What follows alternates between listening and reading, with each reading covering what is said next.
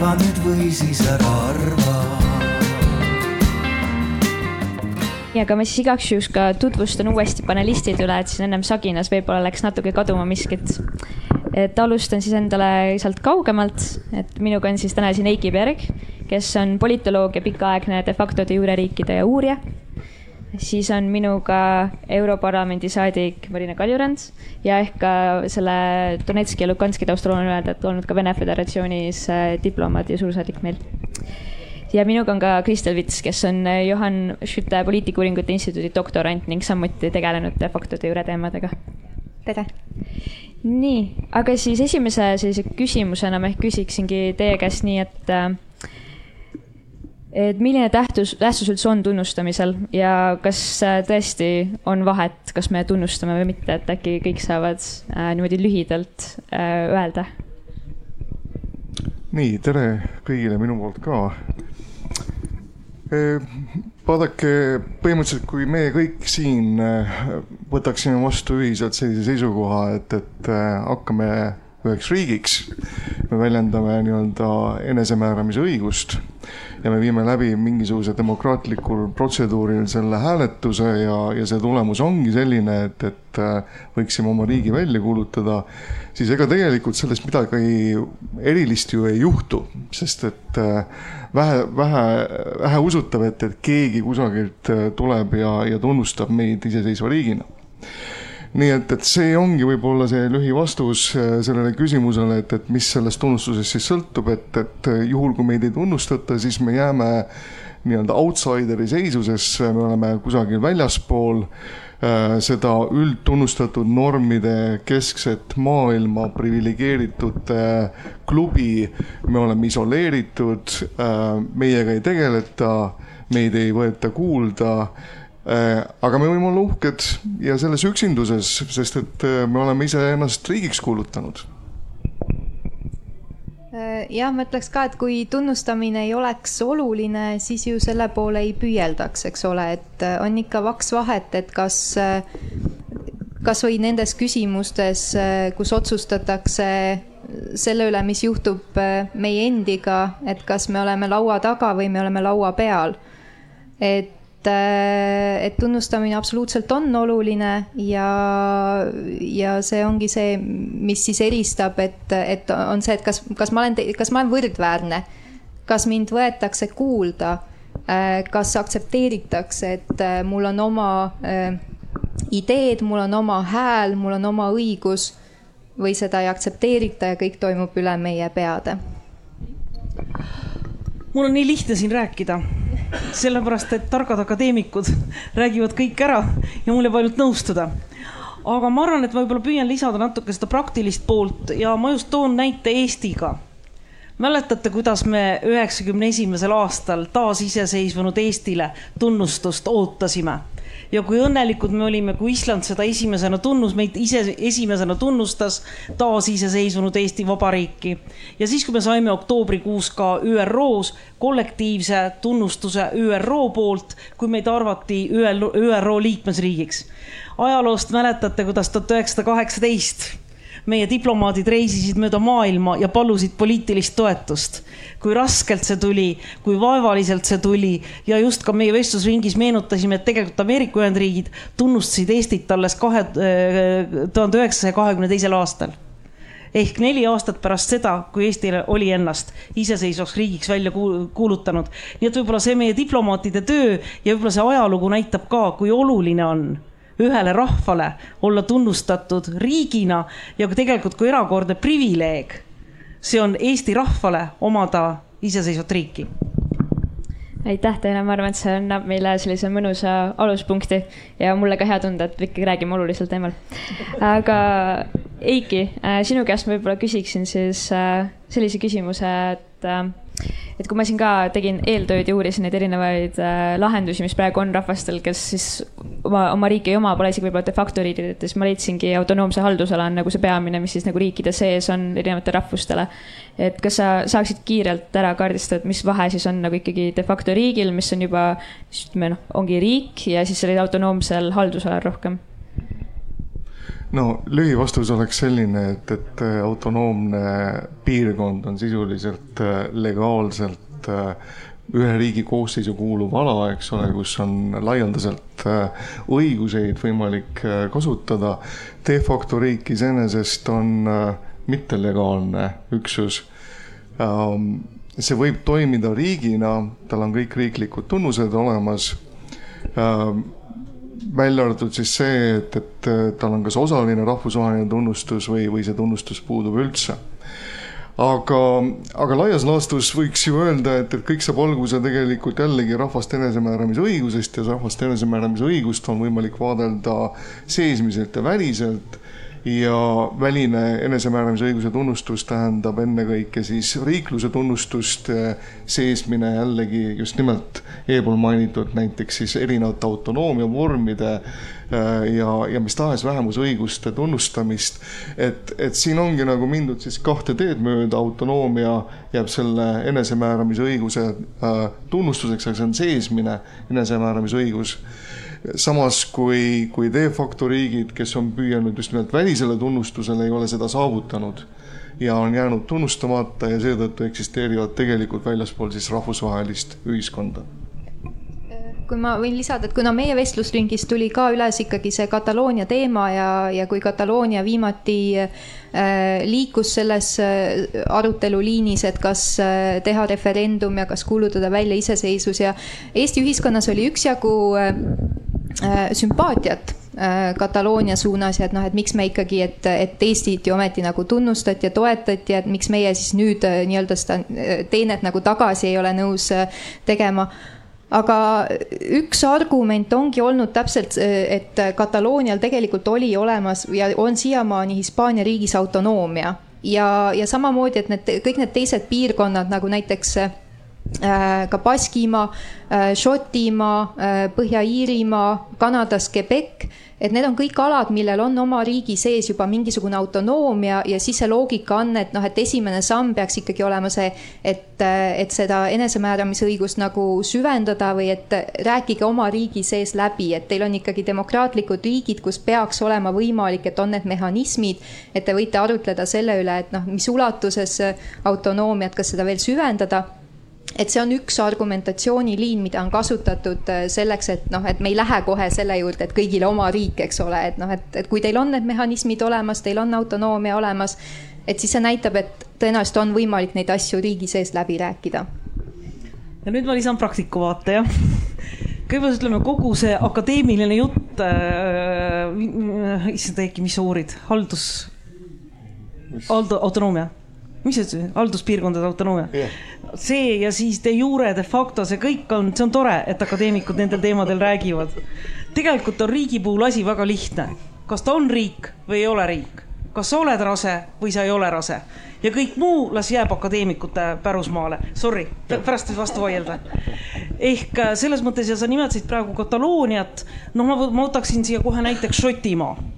noh, ma ei saa aru, mida nad seal veel arutama peavad Šotimaa on näidanud ennast piisavalt tugeva iseseisva üksusena ja ma arvan, ei ole mitte mingit kahtlustki, et Šotimaa kui riik, iseseisev riik jääks püsima sõltumatult Suurbritanniast, võiks olla Euroopa Liidu liikmesriik, nii et jällegi see, et las nad siis seal omavahel veel arutavad, kuni nad kokku lepivad, akadeemikute tasemel väga hea jutt.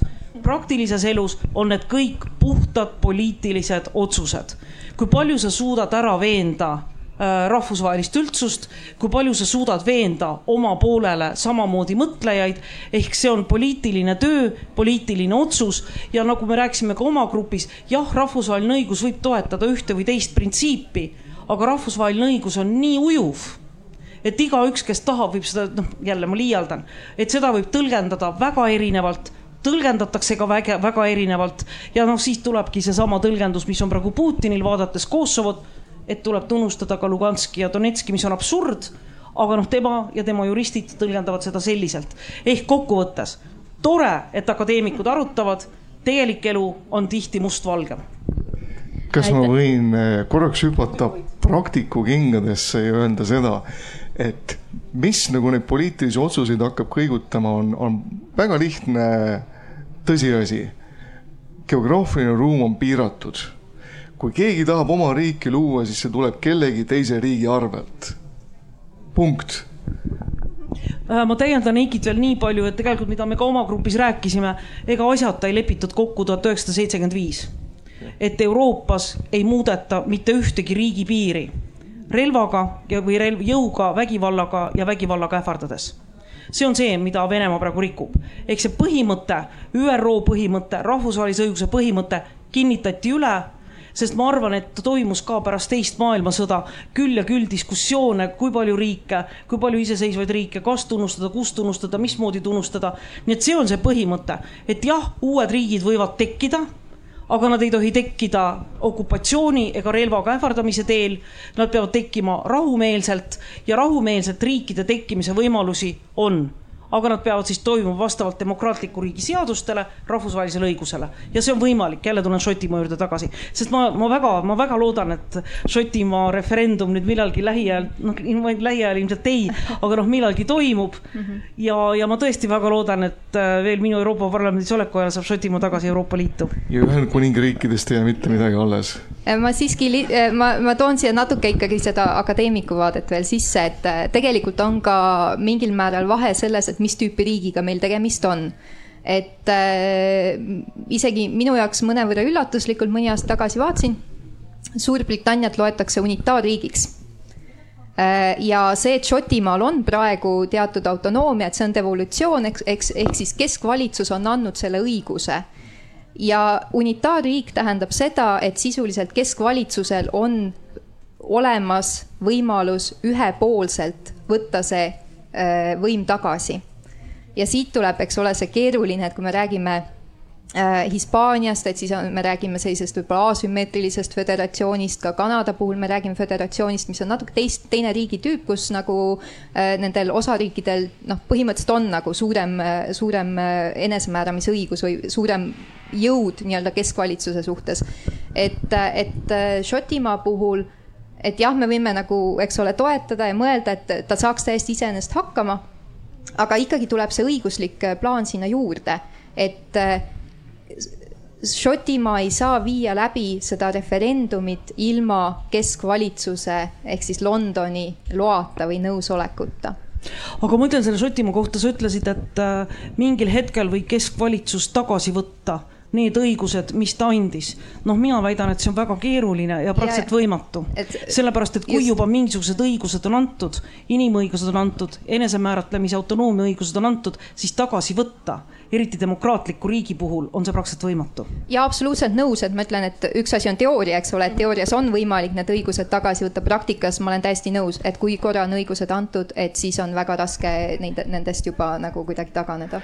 Eiki, ma annan sulle selle kommentaari ja siis ma tõmban natuke pidureid. ma lihtsalt äh, ütlen just, et äh, vaidlen vastu Kristile, saavad šotlased ka ilma Londoni heakskiiduta oma rahvahääletuse iseseisvusküsimuses maha peetud aga mis sellest siis nüüd tuleneb, eks ole, et, et nad võivad vabalt hakata de facto riigiks, aga nad ei hakka seda, nad, nad teavad, mis sellega kaasneb, nii et, et selles suhtes eh, ma olen enam kui kindel, et, et nende, nende tulevik on enam-vähem teada, mis nad teevad. Nii, ma arvan, et Marina siin tõstatas just kaks väga head suurt teemat selle vahe, vahepealsete põigetega siin, et, et piirid ja kellel siis, kellel siis Äh, nii-öelda enesemääramisõigus ikka kohati ka on. ja sellega ma nüüd läheksin ka siit äh, natuke edasi, et me jõudsime ühe Šotimaaga siin täpselt selle koha peale, et Šotimaa justkui siis nagu on selline eksisteeriv ja töötav riik, mis noh, võikski, võikski olla iseenda riik aga kui me räägime ka sellest samast Kosovast, äh, kes ma saan aru, on siin ka aruteluringidest läbi käinud ja neid näiteid on ju veel riikidest, on äh, noh, taustad on väga tihti erinevad, Kataloonia, Kosovo, Põhja-Iirimaa, kõigil väga erinevad taustad, väga erinevad põhjused, miks need situatsioonid on, nagu nad on. kuid küsimus endiselt jääb, et kellele me siis ikka siis nagu lubame ennast määrata, et minu arust see, Eiki, kui sa välja tõid ka seda autonoomiat, siis tegelikult see ikkagi tundub kohati nagu selline nagu poolik valik või selline half measure, et, teil on nagu rahvus ja siis noh, tehke neid oma, oma piirkonnas oma asju, aga, aga noh, ehk ma tean, et tihti ka vist ei ole tahet, on ju, oma riiki päris saavutada, see on kindlasti oluline punkt. aga, aga, aga nende puhul, kes võib-olla siis nagu tahaksid ennast määrata, et see tundub ikka selline nagu kohati poolik poolik lahendus. aga nii ongi, et, et alustame kõigepealt sellest, et kõik rahvused ei ole huvitatud omast riigist, see on võib-olla esimene lähtepunkt teine punkt on see, et kellel võiks olla nagu rohkem perspektiivi omale riigile ja kui seal on ka tugev soov taga, siis me tuleme just nimelt sellesse dekolonisa-, kolonisatsiooni konteksti ehk et eh, endisaegsed kolooniad, nende võimalik iseseisvumine, seal on sisuliselt roheline tuli antud.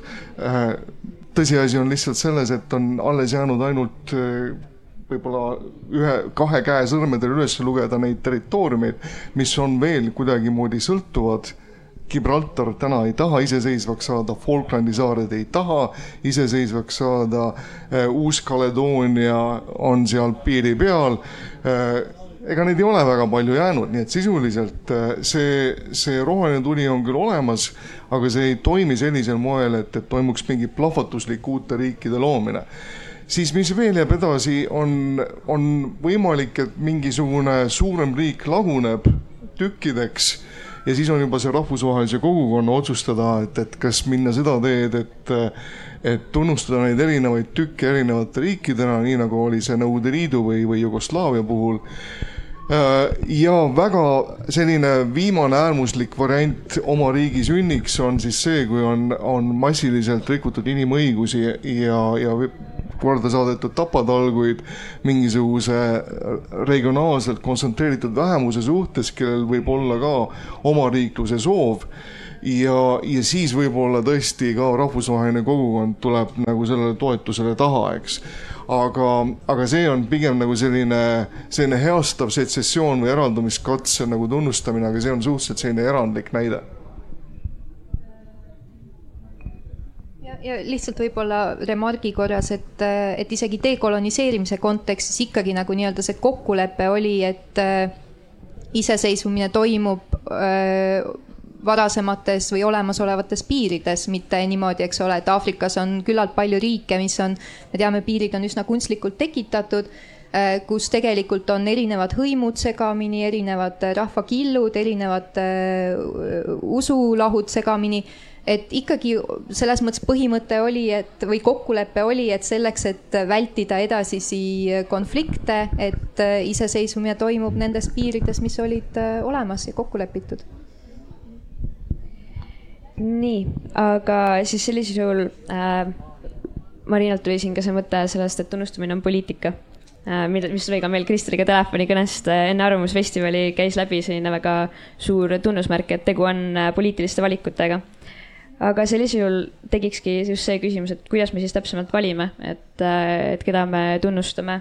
Äh, Šotimaa puhul jällegi, et kui me räägime sellest Inglismaa, Inglismaad, sa ütlesid uni, unitaar ja unitaarriik, et ta saab niimoodi tagasi võtta oma valikut, et tegelikult ju võiks, võiks nagu grupiviisiliselt otsustada, et noh me, me ütleme, et Šotimaal on justkui toetus olemas või noh, ma ei tea, et, et aga miks me, miks me näiteks ei tee selliseid valikuid?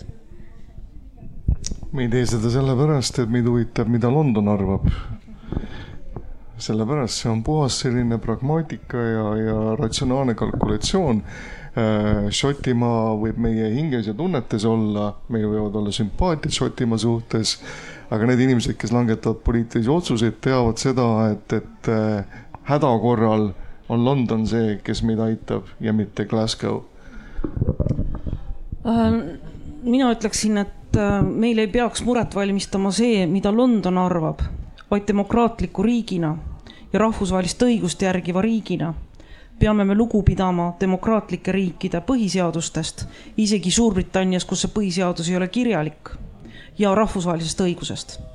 ja kui Suurbritannias on üheselt kirjas, et referendum võib toimuda, mis ta võib toimuda seal mingi paar, ühe, iga põlvkonna tagant või noh, on olemas kirjutamata reeg-, kirjut-, siiski nad on osaliselt kirjutatud, on olemas reeglid, mismoodi referendum toimub. Suurbritannia on demokraatlik riik siis me peame seda austama, me peame sellest lugu pidama just sellepärast, et meiesugusele väikesele riigile on rahvusvaheline õigus, no see on A ja O me saame eksisteerida ainult siis, kui tunnust, tunnistatakse rahvusvahelist õigust, kui tunnistatakse praegust maailmakorda. noh, see on ka see põhjus, mis Ukraina sõda on meile niivõrd oluline, sest ta pani kõikuma selle, mis on kokku lepitud pärast teist maailmasõda. nii et jah, meile loomulikult läheb korda, mida arvab London, aga sellest tähtsam on, et me ise demokraatliku riigina äh, täidame rahvusvahelist õigust ja austame teiste riikide siseriiklikke seadusi, demokraatlike riikide siseriiklikke seadusi jah, ma muidu näen, et seal on üks küsimus, aga et äh, ma ütleks, et kui ma laiendan natukene seda arutelu või seda punkti, et mitte konkreetselt rääkides nüüd Eestist, et äh, tunnustada võidakse väga erinevatel põhjustel, et äh, on ka täiesti selliseid põhjuseid, et nagu äh, niinimetatud äh, checkbook diplomacy ehk tšekiraamatu diplomaatia, kus tunnustamist ostetakse äh,. Seda, see ei olegi nagu niivõrd uus praktika, et me, meile võib-olla tuttavamad võivad olla näited, et, et Venemaa on nii-öelda ostnud tunnustust Abhaasiale ja, ja, ja Lõuna-Osseetiale.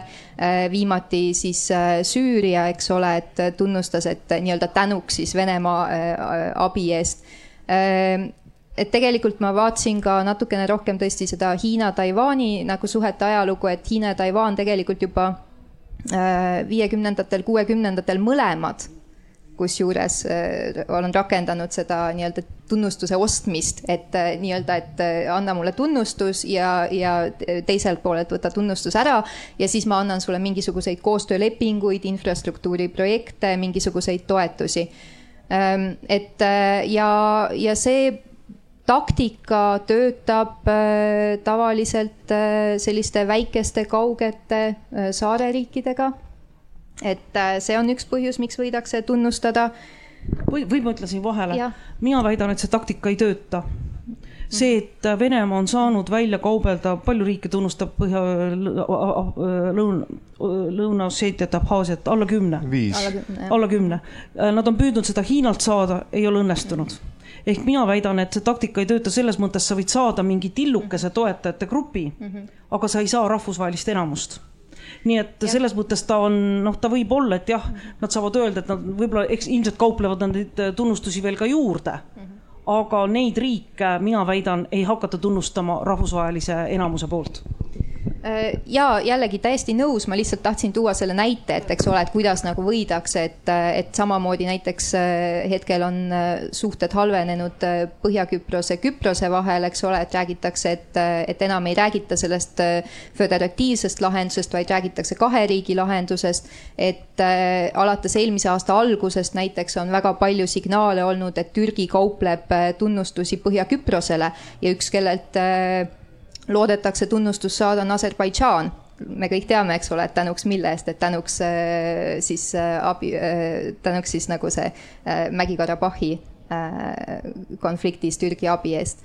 et loomulikult see ei ole olnud pikas plaanis edukas taktika, aga sellegipoolest seda tehakse, et see ei ole kadunud taktika ja, ja väikeses mahus see tundub ikkagi toimivat.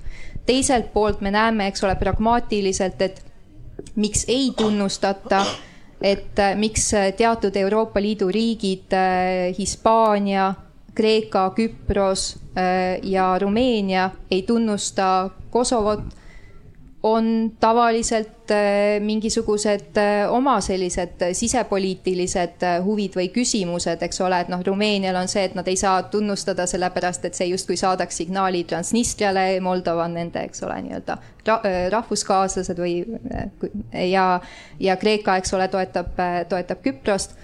et sisepoliitika võib olla see põhjus, miks ei tunnustata et seal on väga palju selliseid äh, huvitavaid nüansse ja siis äh, võib-olla selline anekdootlik näide, et vaatasin näiteks, et äh, kui Abhaasia tunnustamisest, et äh,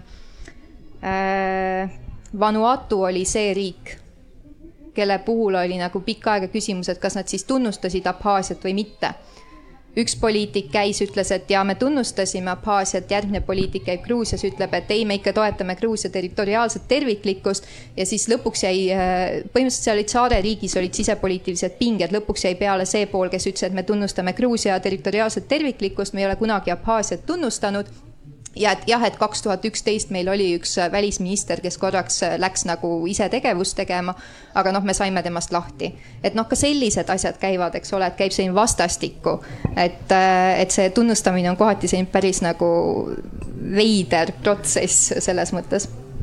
ma ütlen siia vahele, et põhimõtteliselt välisminister tohib tunnustada teist riiki et rahvusvahelise, rahvusvahelise õiguse põhimõtete järgi võivad president, peaminister ja välisminister esindada riiki ex officio ametikoha järgselt, saamata oma riigis volitusi.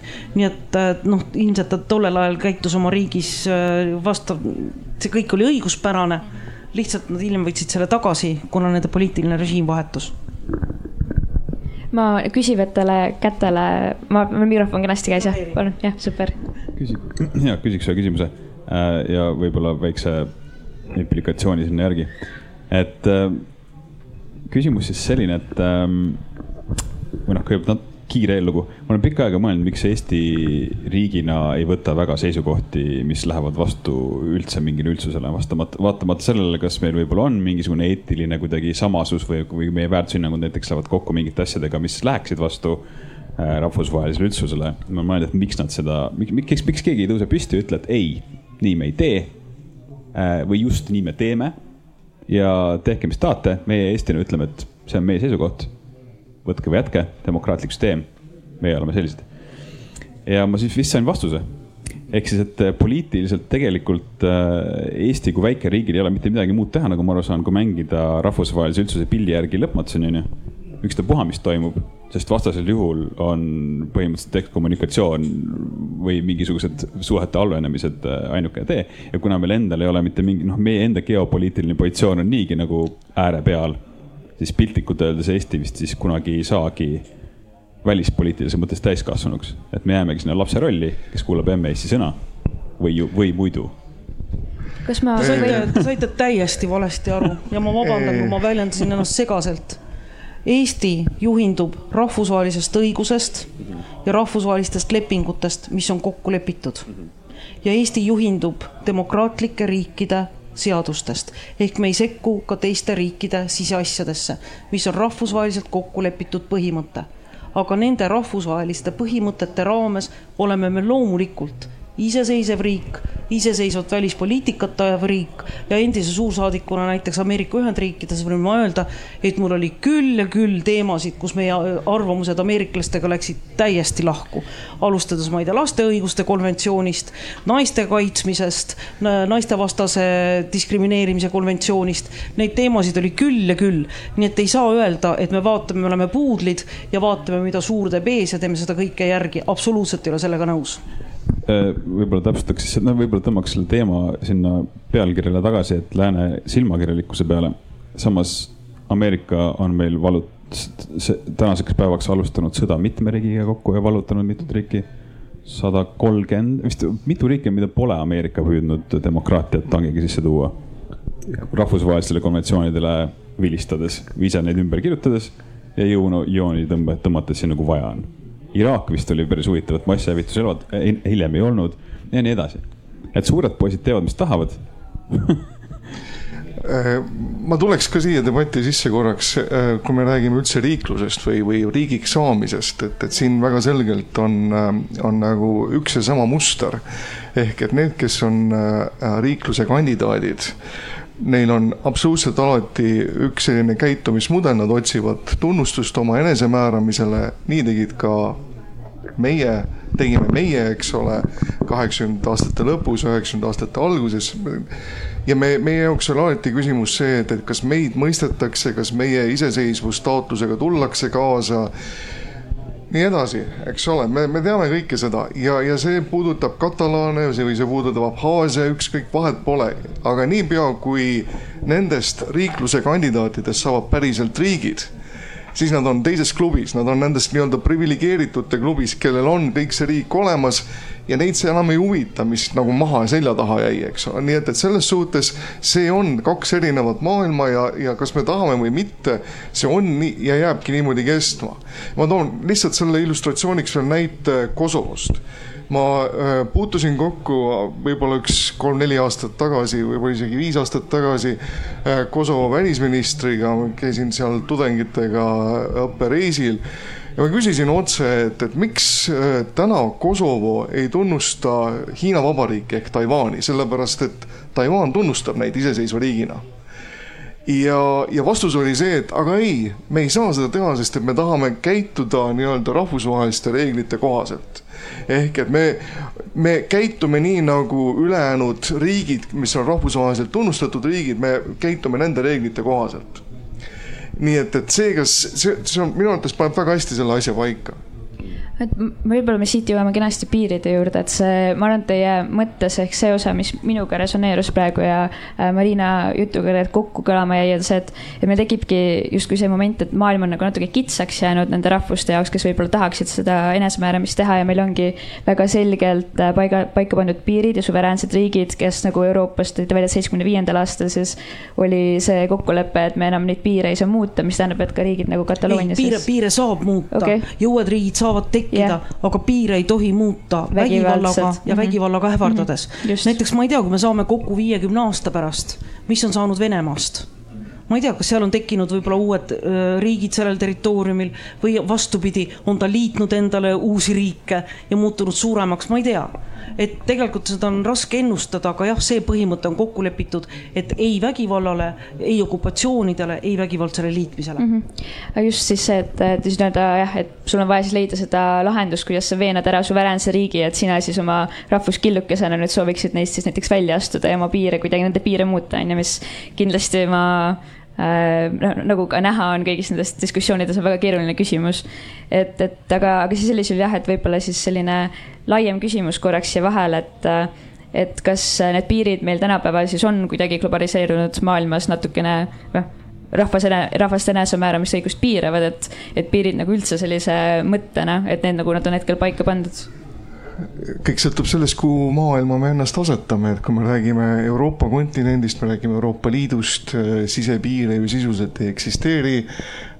paljud väga tugevat rahvustunnet omavad piirkonnad, on see Baskimaa, Kataloonia, saab ju tegelikult piiriüleselt täiesti käituda. katalaan elab ju ka Prantsusmaal, baske on täpselt samamoodi Prantsusmaal kui te, noh, kui te olete jälginud meedia vahendusel äh, Põhja-Iirimaa küsimust ja, ja Brexiti konteksti, siis, äh, siis nende jaoks on piiriküsimus jube tähtis. Äh, Põhja-Iirimaal olles väga paljud ütlesid, et, et kui piir tekib sinna, siis läheb ainult üks päev mööda ja piirivalvur lastakse maha sõna otseses mõttes ja, ja me oleme tagasi aastast tuhat üheksasada seitsekümmend. et, et äh, igavesti, eks ole, on läinud see, see Põhja-Iiri rahuprotsess. nii et, et selles suhtes noh, piiridel on mingisugune roll mängida, väga oluline roll äh, ja, ja kui neid ei ole äh,, kui on nad kergesti ületatavad, siis äh, nii mõneski kohas on võimalik tegelikult mit, mitmesuguseid pingeid maandada. aga see on, see on, see on see on meie kontinent, et kui me läheme mujale maailma, siis on see pigem, pigem vastupidine näide, et, piire tegelikult kogu aeg tugevdatakse ja, ja, ja muudetakse rohkem äh, noh, nii-öelda kinnisteks ja, ja raskesti ületatavateks.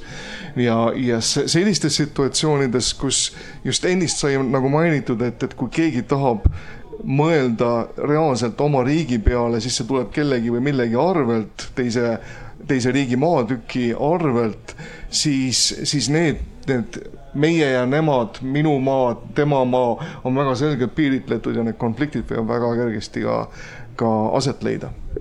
No ma täiendaksin Ergit nii, Egit nii palju, ma siiski arvan, et piirid on ka Euroopas olulised ja nad on olemas.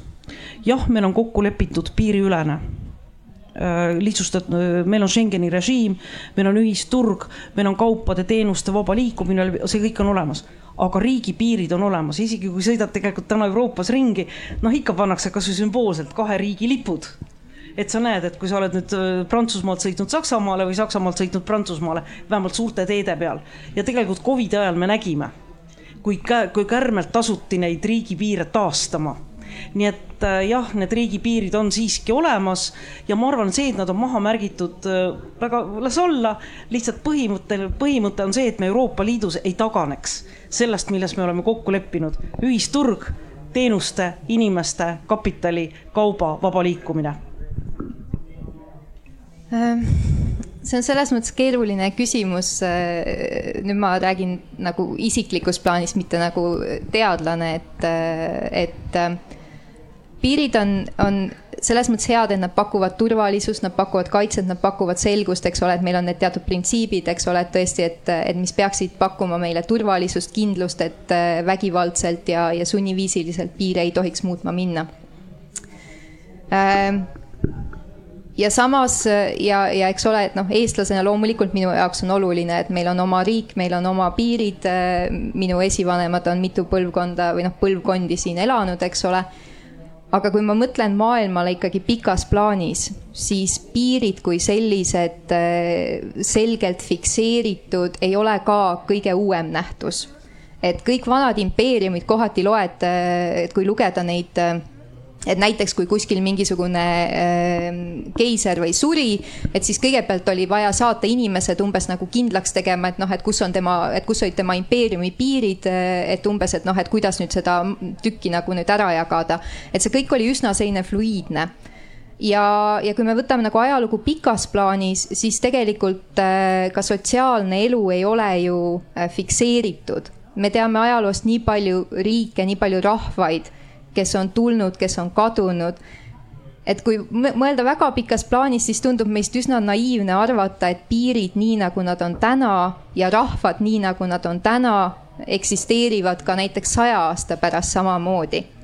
ja siis tundub, et noh, et kas tõesti, et noh, et me, eks ole, vaidleme ja, ja me läheme sellepärast konflikti, eks ole, ja tapame, tapame, eks ole, et, et jah, et see on selline nagu vastuoluline teema minu jaoks, et, et pikas plaanis tundub see kõik üsna mõttetu tegelikult, need, need vaidlused, eks ole, et katsume lihtsalt aktsepteerida, et kõik me tahame siin maa, maakera peal elada, eks ole, ja katsume omavahel läbi saada, et, et jah.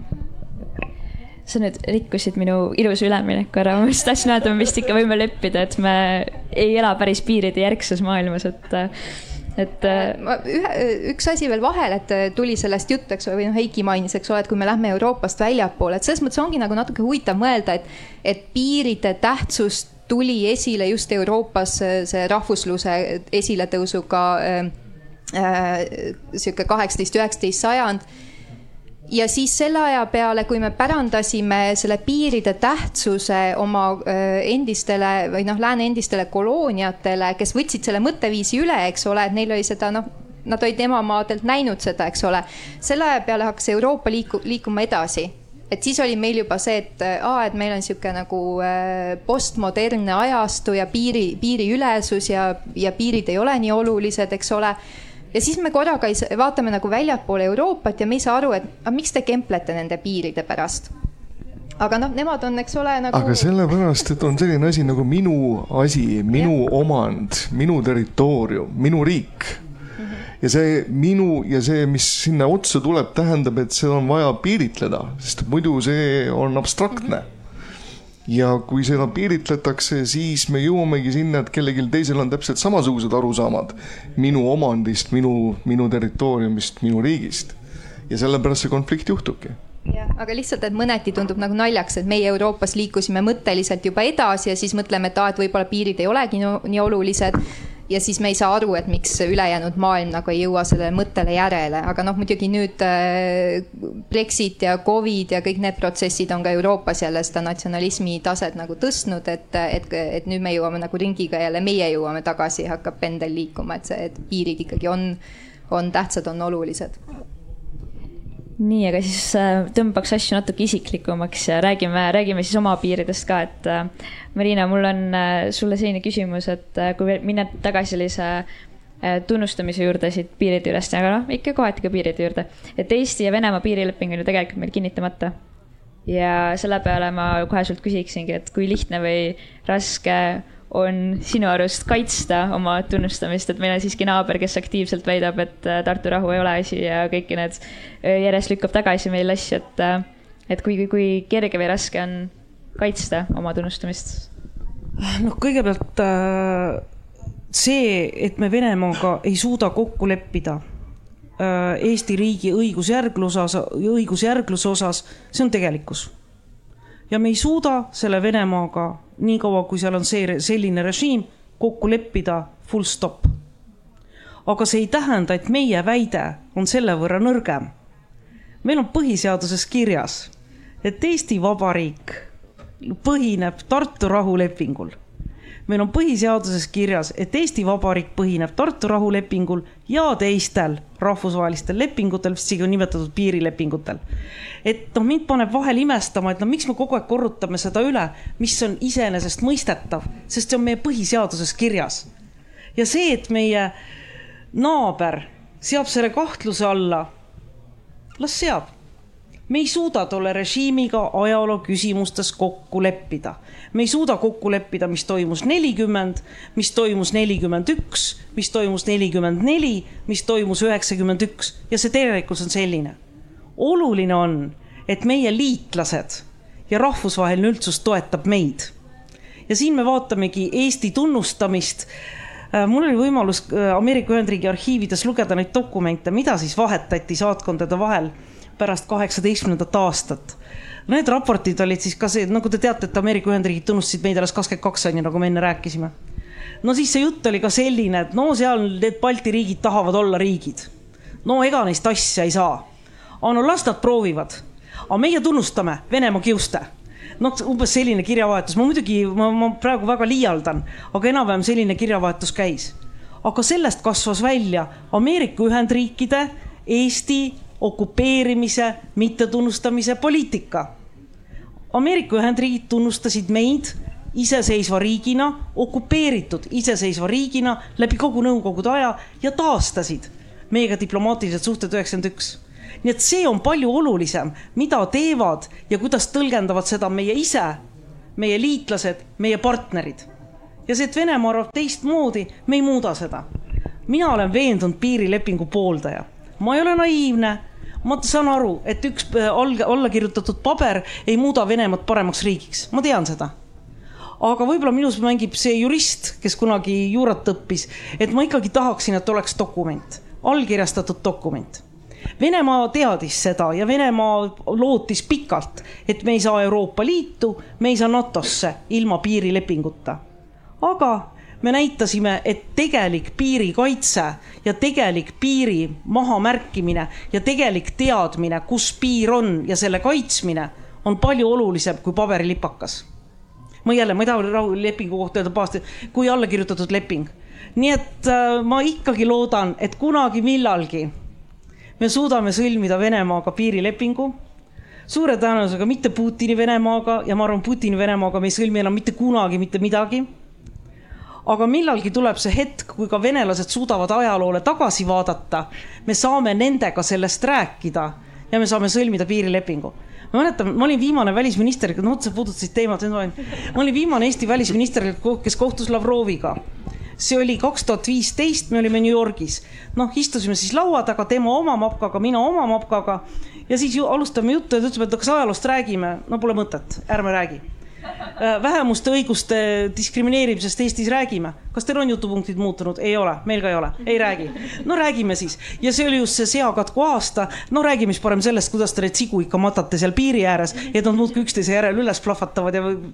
ehk ütleme, tegelikult ka Venemaa teab väga hästi, et meil on erinev arusaamine ajaloost, seda ei muuda mitte midagi, aga meile no me ei pea iga esmaspäev korrutama, mis on meie põhiseaduses kirjas ja selles mõttes olin mina kategooriliselt selle vastu et kaks tuhat viis kirjutati ratifitseerimisseadusesse mõttetu preambul, mis juriidiliselt oli täiesti mõttetu.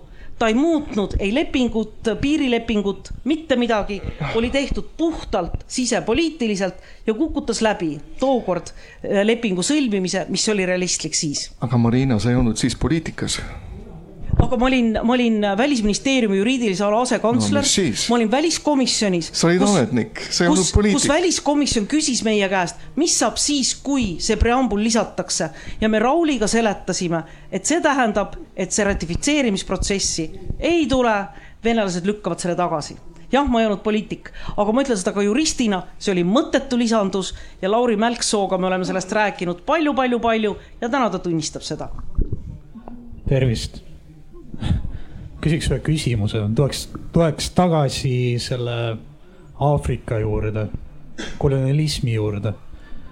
et äh, kuna see on selline küsimuse püstitus nagu de facto ja de jure, jääme lääne silmakirjalikkus, äh, siis äh, kuna Aafrika on, muutub sel sajandil palju olulisemaks ja seal on lääne tõmmatud piirid, et siis kas need piirid jäävad pühadeks? selles mõttes, et kuidas öelda, see on äh, mitmeid nagu tunnustamata riike, eks ole, ja siis on nagu mõned riigid, mis on pidevalt sõjas. võtame Kongo näiteks, et äh, selles mõttes, et mida te ennustate nagu Aafrika tuleviku osas, et kui palju see muutuda võib? riigipiirid muutuda võivad? ma ennustan, et mitte midagi ei muutu. ma ennustan seda, et, et see on kõige rohkem huvitatud, nii-öelda status quo'st huvitatud piirkond. Need piirid on seal alates Berliini rahukonverentsist, siis kui äh, eurooplased omavahel jagasid ära Aafrika kontinendi ja, ja need piirid ka jäävad sinna, sellepärast et ükski Aafrika riik ei ole huvitatud sellest, et põhimõte, mis puudutab territoriaalset terviklikkust või piiride puutumatust, saaks kuidagimoodi kannatada.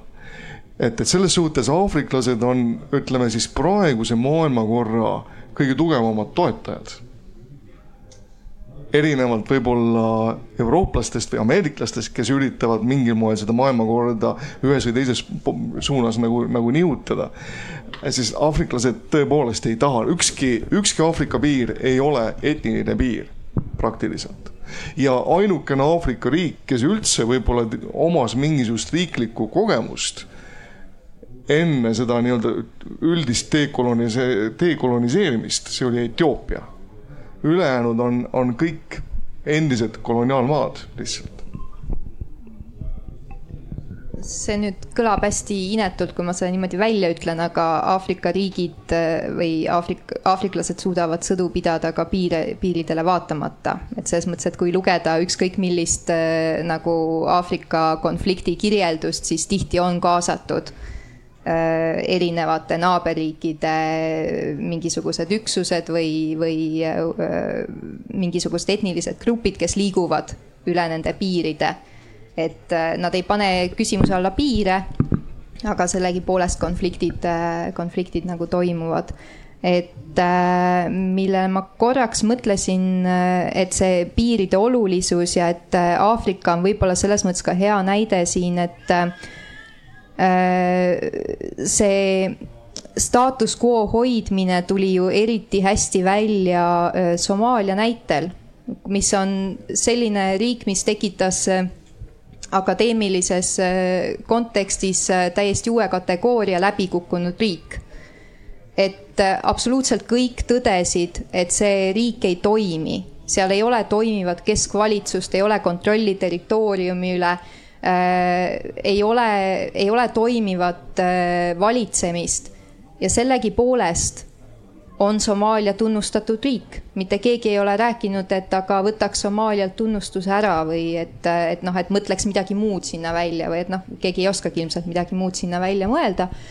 et, äh, et juba antud tunnustust selles kontekstis ei taheta naljalt ära võtta, ükskõik kui hästi see riik siis ka tegelikult toimib või ei toimi aga ma haaran siin äh, sõnasabast kinni, ma näen, ma kohe küsin viimase küsimuse ja alustame ametlikult küsimuste vooru, nii et, et kõik, kes soovivad, saavad siis käe üles visata ja meil see mikrofon võib liikuda.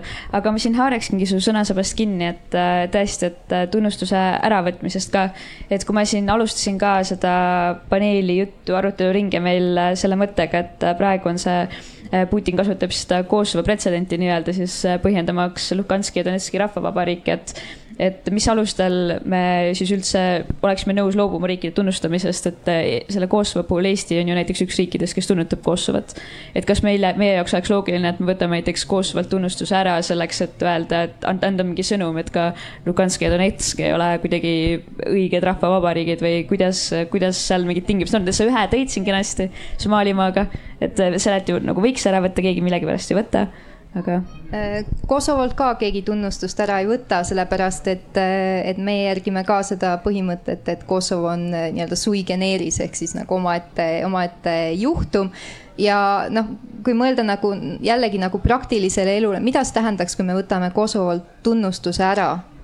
et siis me tunnustame Serbia territoriaalset terviklikkust ja jällegi siin mul on jube hea meel, et ma ei ole poliitikas, et ma ei pea nagu tegema neid raskeid praktilisi valikuid, aga puhtalt nagu inimlikul pinnal, et minu jaoks tundub täiesti aktsepteerimatu, et me tahame, et me toetaksime siis nagu mittedemokraatliku riigi äh, et ütleme, et, et Kosovo ei ole täiuslik demokraatia, ma ei väidagi seda, aga ta vähemalt püüdleb sinnapoole ja, ja, ja seal midagi, eks ole, toimub.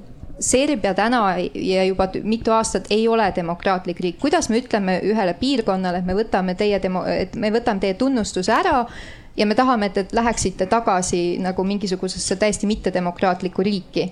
Et minule isiklikus plaanis tundub see aktsepteerimatu ja sama, sama põhjus, miks ma tegelikult äh, toetaks ka Taiwan'i püüdlusi, et me ei saa, me ei saa mitte mingil moel ju aktsepteerida, et Taiwan peaks minema Hiina rüppe, kui me oleme näinud, mida Hiina on teinud äh, mitte ainult Tiibetis, mitte ainult uiguuridega, aga ka Hongkongiga, millega algul räägiti, et samamoodi, et noh, et see võiks olla see etalon, eks ole, et mille alusel toimub Taiwan'i ühendamine. et noh, jah, ei tundu väga ahvatlev. aga me teame, et Eesti ei hakka tunnustama Taiwan'i iseseisva riigina ma ütlen, ma ütlen Kosovo kohta nüüd nii palju, et kõigepealt see, et Putin kasutab Kosovot näitena, ta võib võtta näiteid ükskõik kuskohast see ei muuda tema mõttemaailma. ja isegi kui ma ei näe ka, et oleks muutunud mingisugunegi asjaolu, äh, mille põhjal me, me tunnustasime, selleks olid põhjused, selleks oli Kosovo olnud kümneid aastaid ÜRO äh, juhtimisel või ÜRO kontrolli või ÜRO egiidi all. seda, seda valmistati ette Kosovo iseseisvumist aastaid jah, ütleme, see lõpp läks võib-olla natuke selles mõttes käest ära, et Ahtisaari noh, missioon ei õnnestunud täielikult ja ei oodatud ära, et Serbia ja Kosovo lepiksid kokku, vaid Kosovo tegi selle sammu ära. tänaseks on Kosovot tunnustanud üle saja riigi, mis tegelikult on rahvusvaheliselt väga kõva sõna, et teda tunnustatakse sõltumatu riigina Putin võib tuua näiteid ükskõik kuskohast ja kui nüüd keegi hakkaks Kosovo tunnustamist tagasi võtma, see ei muuda. Ta võtab mingi järgmise näite, ta võtab järgmise näite, sest noh, olgem ausad, ta on ikka propagandas, infosõdades ja demagoogias klass omaette. ja teiselt poolt näitab ka see rahvusvahelise õiguse tõlgendamise lõpmatust et erinevalt siseriiklikust õigusest, noh, väidan mina, saab rahvusvahelist õigust palju vabameelsemalt tõlgendada ja jah, mõnes mõttes ma möönan, mida see härra ütles nüüd, kes on seal. jah, suured riigid tihti võtavad endale selle õiguse ja rikuvad rahvusvahelist õigust, mida väikesed riigid endale lubada ei saa. nii et see, kui keegi loobub praegu Kosovo tunnustamisest, mina väidan, ei muuda mitte mingit moodi praeguse Kremli režiimi käitumist Lõuna, Lõuna-Osseetias ja Abhaasias ma repliigi korras lihtsalt ütleks, et sada protsenti nõus, välja arvatud see või mitte, mitte, mitte välja arvatud, vaid vaid lihtsalt üks väike nüanss. sa, Marina, ennist just üks pool tundi tagasi ütlesid, et Eesti-suguse väikeriigi jaoks rahvusvaheline õigus on parim tagatis.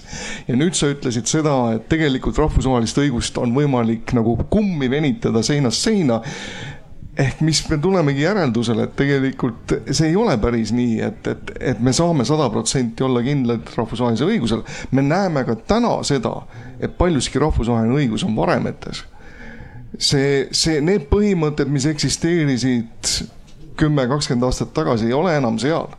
me oleme üleminekul uude maailmakorda ja me ei tea, milline see maailmakord hakkab olema. jah, ma olen Eikiga nõus, võtame ÜRO harta, ÜRO harta, ÜRO julgeolekunõukogu alaline liige rikub täna ÜRO hartat. selge see, et see on midagi täiesti enneolematut. Nii et noh, kui ÜRO Julgeolekunõukogu alaline riige, kes peaks kaitsma hartat, kes peaks seisma harta eest, kes peaks igal pool võitlema, see ei tee, loomulikult see on jama, aga see ei muuda rahvusvahelist õigust kehtetuks see, et üks riik niimoodi käitub, nii et noh, mida me peaksime tegema, me peaksime selle kadunud lamba vastutusele võtma ja ninapidi selle sisse panema, mida ta valesti teeb nii, ja ma nüüd vaatan, et meil on kenasti sellised kümme-kolmteist minutit siin, et käsi on kenasti tõusnud ja palun, ma näen, et mikrofon juba käes ka. jah, ma kasutan võimalust, et mikrofon on käes, et tänases teemas on äh, ka selline huvitav sõna nagu silmakirjalikkus, et äh, ma olen päris sageli kuulnud seda sõna kasutatud Eesti suhtes äh, seoses Tiibetiga. et kas me loeme Tiibeti nüüd ajaloo prügikasti kuuluvaks, mis sageli juhtubki rahvastega, kus juttu oli. või on nad moodne riik, kus piire ei ole või moodne selline olukord või, või mida ütleb äh, rahvusvaheline õigus selle kohta, mis on murenemas, et äh, kes kommenteerib? päris sageli Eesti enda kohta kostuvad sellised, eriti siis, kui ei võeta vastu jälle mingit äh, eksiilvalitsuse tegelast ja Tiibet on keeruline teema, seda enam, et äh, see, see Tiibeti iseseisvuse sünd tegelikult äh, langeb kokku selle ajajärguga, kui kui tekkis Hiina Vabariik ja Hiina Vabariik aastal tuhat üheksasada üksteist oli tegelikult sisemiselt ikkagi väga lõhki. seal niipea, kui see vabariik välja kuulutati, läks madinaks, kodusõjaks enam-vähem varsti ja, ja see vabariik ei, ei suutnud eriti oma piiriäärseid alasid kontrollida, mistõttu õnnestus tiibetlastel paljuski olla iseseisvad. kas see oli riik sel hetkel, vahetult enne teist maailmasõda, on nagu keeruline öelda, sest et rahvusvahelist tunnustust kusagilt ei olnud nii et, et selles, kui me võtame nagu selle välise aspekti juurde, et, et, et mis siis, mis, mismoodi nimetada seda Tiibetit sel ajahetkel või isegi kuni aastani tuhat üheksasada viiskümmend, siis, siis on siin erinevaid arvamusi, kas oli tegemist riigiga või oli lihtsalt piirkonnaga, mida Hiina keskvõim ei kontrollinud? Ja, ja sellest tulenevalt, kuna rahvusvahelist tunnustust ei olnud, siis on, on nagu, nagu raske siit edasi minna. Äh, öeldes, et, et nüüd peaks, eks ole, taastama Tiibeti kui iseseisva riigi. et me ei saa nagu sellist õiguslikku järjepidevust siin nagu väga hästi kasutada sellisel moel, nagu võib-olla see kehtis Balti riikide puhul. Eesti ametlik poliitika on ühe Hiina poliitika ja Eesti, me just eelmises paneelis rääkisime pikalt Hiinast. ma ei tea, Marko seisab seal nurga taga, võib-olla Marko tahab kommenteerida väliskomisjoni esimehena tänast Eesti välispoliitikat. aga noh, me nägime, mis sai siis, kui Eestit külastas Dalai-laama, kes käis siin natuke rohkem kui kümme aastat tagasi pärast mida suhted äh, Hiina, Hiina külmutas suhted meiega. Äh, mis tähendas, lõppes kaubavahetus, lõppes põllumajandustoodete toodetega kauplemine. Tartu Ülikooli rektor oli mustas nimekirjas ja järgnesid tagajärjed. kuigi siis ei olnud mitte ühtegi ametlikku kohtumist Dalai-laamal ei presidendi, ei peaministri ega ühegi ministriga. ehk täideti nagu neid noh, nii-öelda neid nõudeid, et palun ärge võtke teda vastu riiklikult, riiklikul tasandil ja riiklikult, seda täideti. ja ikkagi Hiina virutas meile kui väikesele koerale jalaga ehk jah, Eesti peab seda, sellega arvestama, et kui me teeme mingi sammu, tal on tagajärjed nii et kui Dalai-laama tuleb visiidile, siis me peame jah arvestama, et kui teda võetakse vastu ministrite tasemel, juhtub see, noh, täna on, noh, praegu on Ukraina sõda, täna on olukord täiesti teine, aga põhimõtteliselt igal teol on tagajärjed. Ja väikesele koerale on kergem virutada kui dogile. nii et ütleme, see, mis on lubatud Ameerika Ühendriikidele suhtlemisel Dalai-laamaga, ei ole lubatud meile see, mis on lubatud Saksamaale suhtlemisel Dalai-laamaga, ei ole lubatud meile. nii et meie saime oma laksud kätte pärast Dalai-laama visiiti, mis ta oli, Marko ütles, kaks tuhat üksteist või kaks tuhat kaksteist, natu, natu rohkem kui kümme aastat tagasi, see on tegelikkus. ja jah, Eestil on täna ühe Hiina poliitika kas me tahame seda muuta, noh, see ei ole küsimus mulle, ma olen täna Euroopa Parlamendis, see on küsimus nendele, kes selle üle täna otsustavad. ja aga amet, alati on olemas selline mitteametlik tasand, eks ole, et ja, me, me ja, ei pea ju nii-öelda diplomaatilist protokolli järgima, eks ole, Dalai-laama võib Eesti Vabariiki külastada kui eraisik.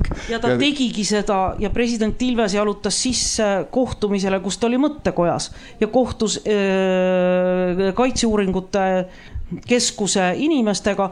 noh, siis president Ilves jalutas läbi mitteametlikult, ilma diplomaatilise protokollita, ilma täitmata kõiki neid diplomaatilisi reegleid ja saime jalaga nii et selles mõttes Hiinat huvitab see diplomaatiline protokoll väga vähe.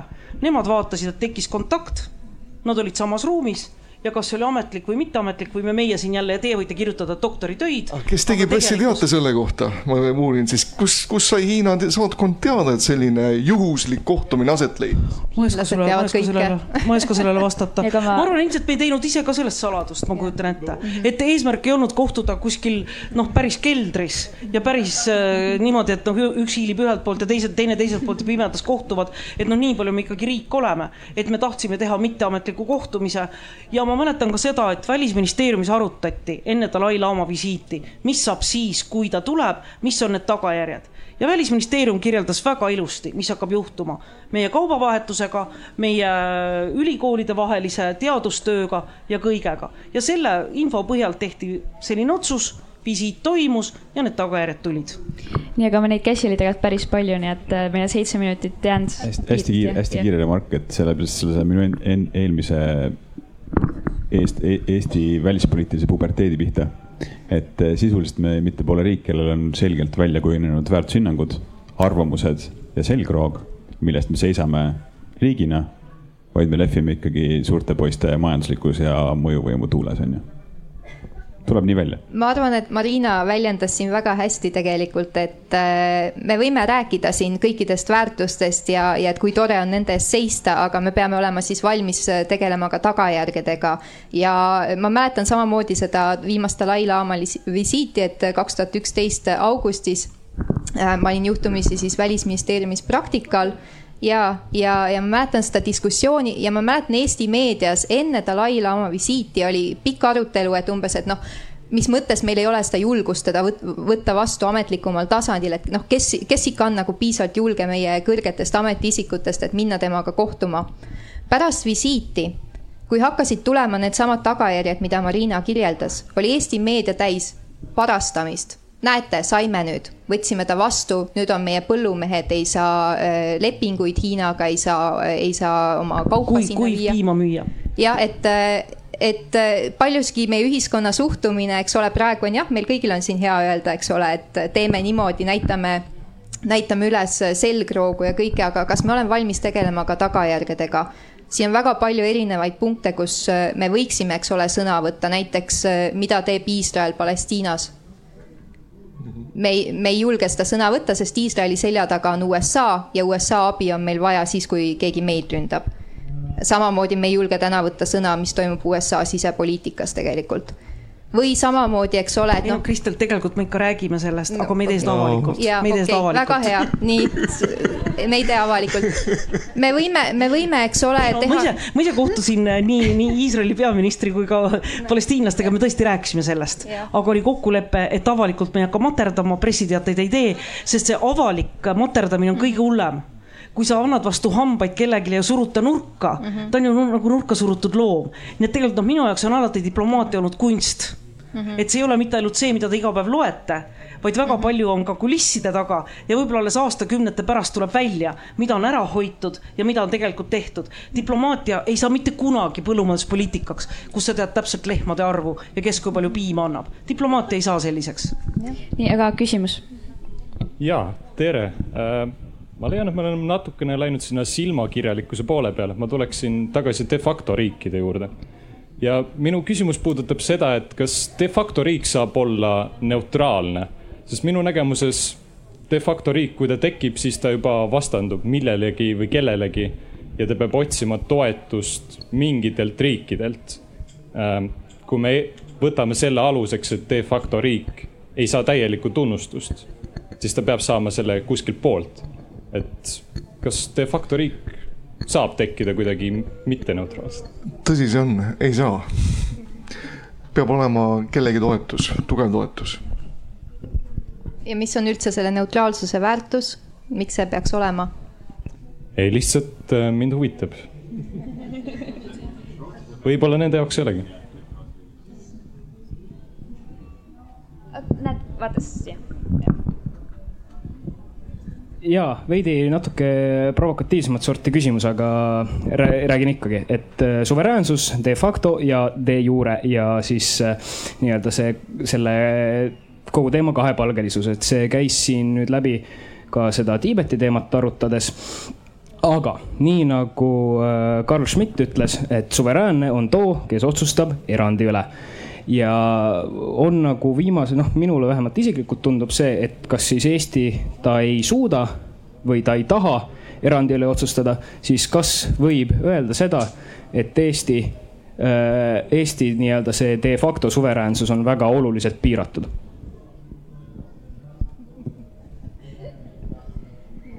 jah, see on tore ka akadeemiliste debattide teema, eks ole, et, et kui tänapäeval me oleme nii palju oma otsustusõigusest vabatahtlikult kusjuures ära andnud äh, rahvusvahelistele organisatsioonidele, kas saab üldse olla täielikult äh, suveräänne, et Äh, aga siin ongi see tore selline nagu äh, konks, eks ole, et äh, kui sa oled kord juba tunnustatud, siis sul on õigus ka oma, oma otsustada ise, et ma annan osa oma õigustest ära. et ja see on ka näiteks põhjus, et mitte sugugi kõik muideks tunnustamata riigid ei taha tingimata saada iseseisvaks selles täies mõttes, et näiteks on Transnistria ja näiteks on ka Lõuna-Osseetia, kes pigem tahavad tunnustust selleks, et saada võimalust liituda Venemaaga ehk siis nende jaoks on oluline või nad näevad, et see on see samm, läbi mille nad saavad õiguse otsustada ise selle üle, et nad tahavad liituda Venemaaga. ja Transnistria on teinud korduvalt ka nagu palveid, et palun liitke mind ja, ja Venemaa on seni neid Äh, eiranud ja ka Lõuna-Osseetias tegelikult sellel aastal räägiti, et, et äh, ametist välja hääletatud president, äh, ta kuulutas tegelikult välja referendumi, et me tahame liituda Venemaaga, et referendum vist nüüd ikkagi jäi ära. et kui sa oled juba tunnustatud riik, siis sa võid ka otsustada, et ma ei taha täiel määral iseseisvust võimu tähendab, ma ei ole, ma ei ole päris nõus selles mõttes, et äh, minu arust on selle suveräänsuse äraandmisel erinevad äh,, erinevad pooled. üks on jällegi rahvusvaheline õigus. kui me liitume erinevate rahvusvaheliste lepingutega, jah, me, me ei ole täiesti suveräänsed enam, me oleme kohustunud et me, ma ei tea, ei, ei ähvarda kedagi relvaga, me ei tapa, me tagame lastele nende õigused, me tagame naistele nende õigused, jah, me oleme võtnud need kohustused ja me ei saa tagasi pöörata. Aga mis puudutab organisatsioone, siis tegelikult noh, vaata sa ütlesid, et me, me anname suveräänsuse organisatsioonidele, me oleme ise seal. Seal me oleme lihtsalt üks otsustajatest, muutub see otsustamise formaat. et mõned küsimused me oleme andnud Euroopa Liidule otsustamiseks koos teiste liikmesriikidega ja me istume laua taga ühena võrdsetest. ja ma väidan ühena võrdsetest, olles istunud seal välisministrite laua taga korduvalt ja aastaid. jah, lihtsalt me peame ise tunnetama mida me saame suruda, mida ei. nii et see suveräänsuse äraandmine, ma ütlen lepingute puhul jah, mina väidan, et see on absoluutne. demokraatliku riigina me oleme võtnud endale rahvusvahelised kohustused, me peame neid täitma. organisatsioonide puhul me viime seda suveräänsust lihtsalt ellu teises vormis ja mingid teemad me oleme jätnud endale me ei anta, me ei anna ka kollektiivseks otsustamiseks Euroopa Liidule mitte kunagi ja jääme üksi nende üle otsustama. et väga erinevad tasemed.